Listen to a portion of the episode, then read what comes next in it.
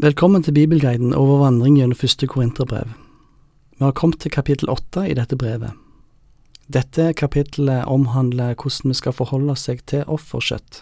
Det er ikke umiddelbart en relevant problemstilling for oss i Norge i dag, tenker vi.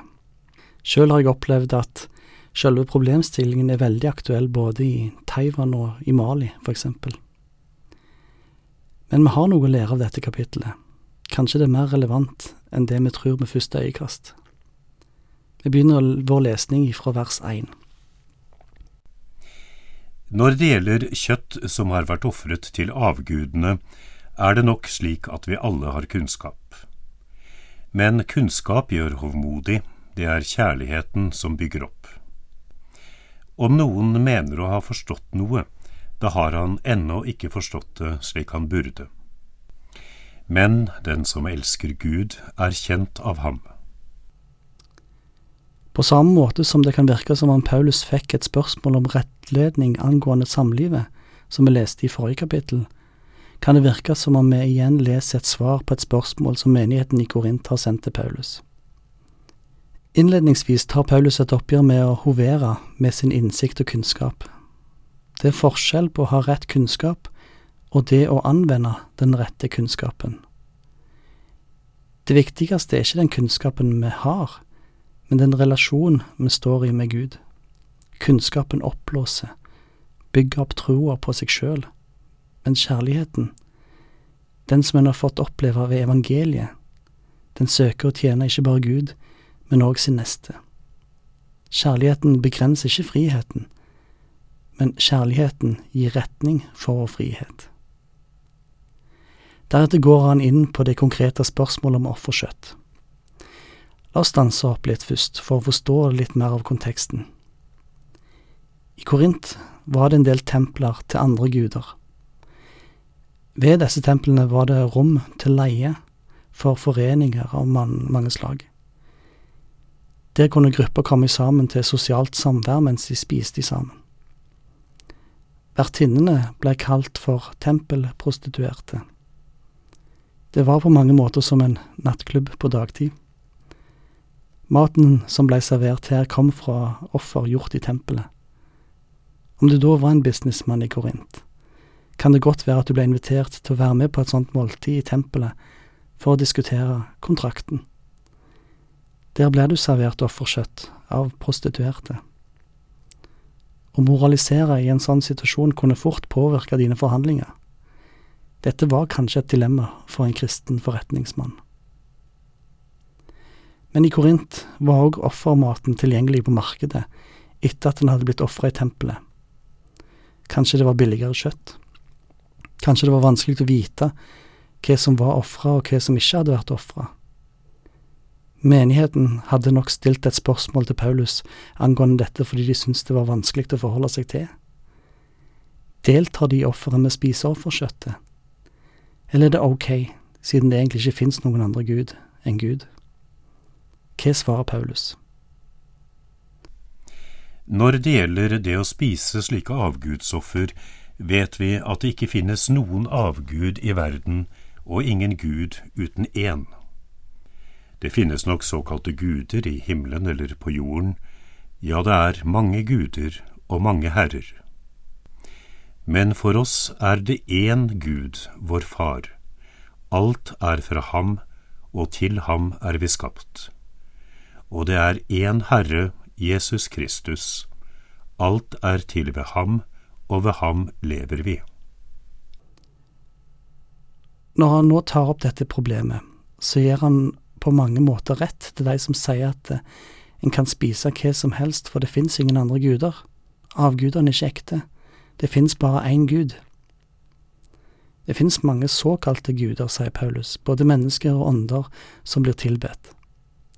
Den største av guden mennesket har, er, er kanskje seg sjøl. Men det gjør de ikke til guder, de er avguder.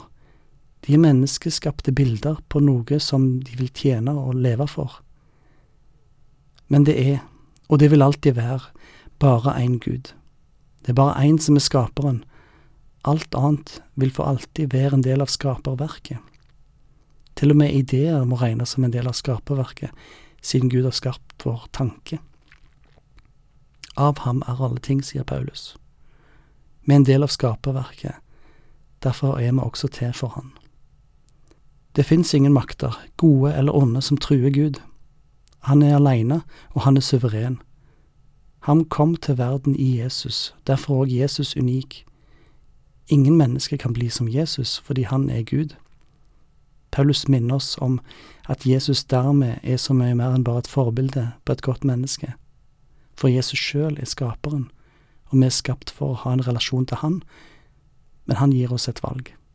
Og altfor mange mennesker velger å dyrke skapningen framfor skaperen.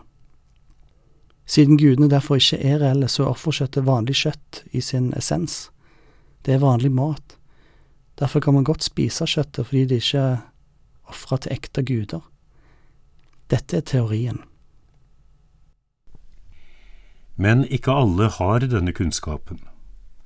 Noen spiser fortsatt dette kjøttet som avgudsoffer fordi de pleide å dyrke avguder så blir deres samvittighet skitnet til fordi den er svak. Ikke alle er klar over i sin samvittighet og i sitt hjerte at de ikke reelle guder det er ofra til. De har kanskje ofra kjøtt og praktisert denne avgudsdyrkelsen sjøl tidligere. For deg så blir dette kjøttet en påminnelse om det de gjorde før de ble kristne. Deres svake samvittighet blir urein når de da spiser offerkjøtt. Det liv en omvendte seg fra, gir dårlige minner, og alt som minner om det gamle livet, vil kanskje virke som en trussel, fordi det en gang hadde makt over vedkommende. Men mat fører oss ikke nærmere Gud. Vi oppnår ikke noe om vi spiser, og vi taper ikke noe om vi lar være. Men pass på at friheten deres ikke fører de svake til fall.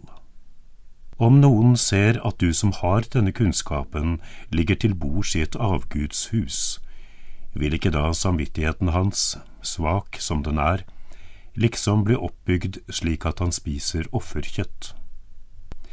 Da går den svake fortapt som følge av din kunnskap, den bror som Kristus døde for. Det har ingenting å si for Gud hva du spiser.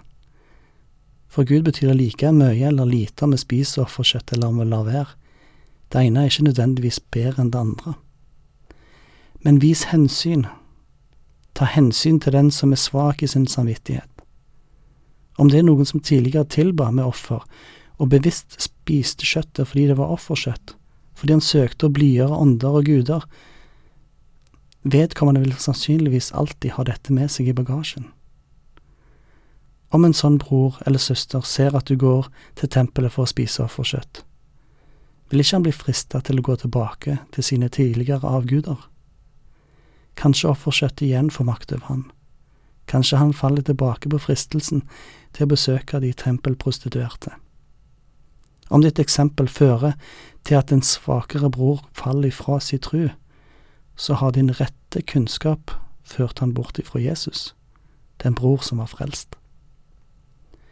Her viser Paulus hva han mener med at kunnskapen oppblåser, men kjærligheten oppbygger. Du kan ha helt rett, i teorien, men din praksis er ikke av kjærlighet til din neste om du fører han bort ifra Kristus. Den rette holdningen er å vite at den er fri til mye, men at den kanskje ikke derfor automatisk benytter seg av den friheten en har, men heller velger å ta hensyn til din bror framfor å dyrke din egen frihet eller rett. Vis hensyn, sier Paulus. Når dere synder mot deres søsken på denne måten og sårer deres svake samvittighet, synder dere mot Kristus selv. Dersom mat fører min bror eller søster til fall, vil jeg aldri i evighet spise kjøtt, for jeg vil ikke føre dem til fall. Om dere lever et hensynsløst liv i deres frihet, så er det synd, sier Paulus. Det blir dermed plutselig litt mer alvorlig. Å lede en bror bort ifra livet i Kristus er kanskje den største synd vi kan gjøre. Selv om man vet at det en gjør ikke i seg sjøl er galt, så kan konsekvensene likevel bli gale. Konklusjonen til Paulus blir dermed at kjærligheten for vår neste, praksisen, overskygger kunnskapen. Når vi vet hva våre rette handlinger i den frihet vi har fått, kan føre til, så avstår vi ifra misbruk av vår frihet på en sånn måte at det skader vår neste. Dermed sier Paulus, selv om det ikke er galt å spise offerkjøtt, fordi det er bare vanlig mat, så vil jeg råde dere til å ikke spise det hvis det kan føre til at noen, som ikke ennå har forstått det, faller ifra sin tru. Paulus forsvarer de svake, selv om de er uvitende. Dette bygger opp fellesskap. Ikke skyld på din brors svake samvittighet og hans mangel på kunnskap. Benytt din frihet til å avstå. Dette kapittel sier oss noe viktig om hvordan vi forholder oss til sannheten, tro i kjærlighet. Kunnskapen triumferer ikke kjærligheten til våre søstre og brødre i forsamlingen. Avstå fra din rett i kjærlighet. Dette kapittelet om offerkjøtt gir oss grunn til ettertanke òg i dag. I neste episode vil vi fortsette å se på den rette bruk av vår frihet.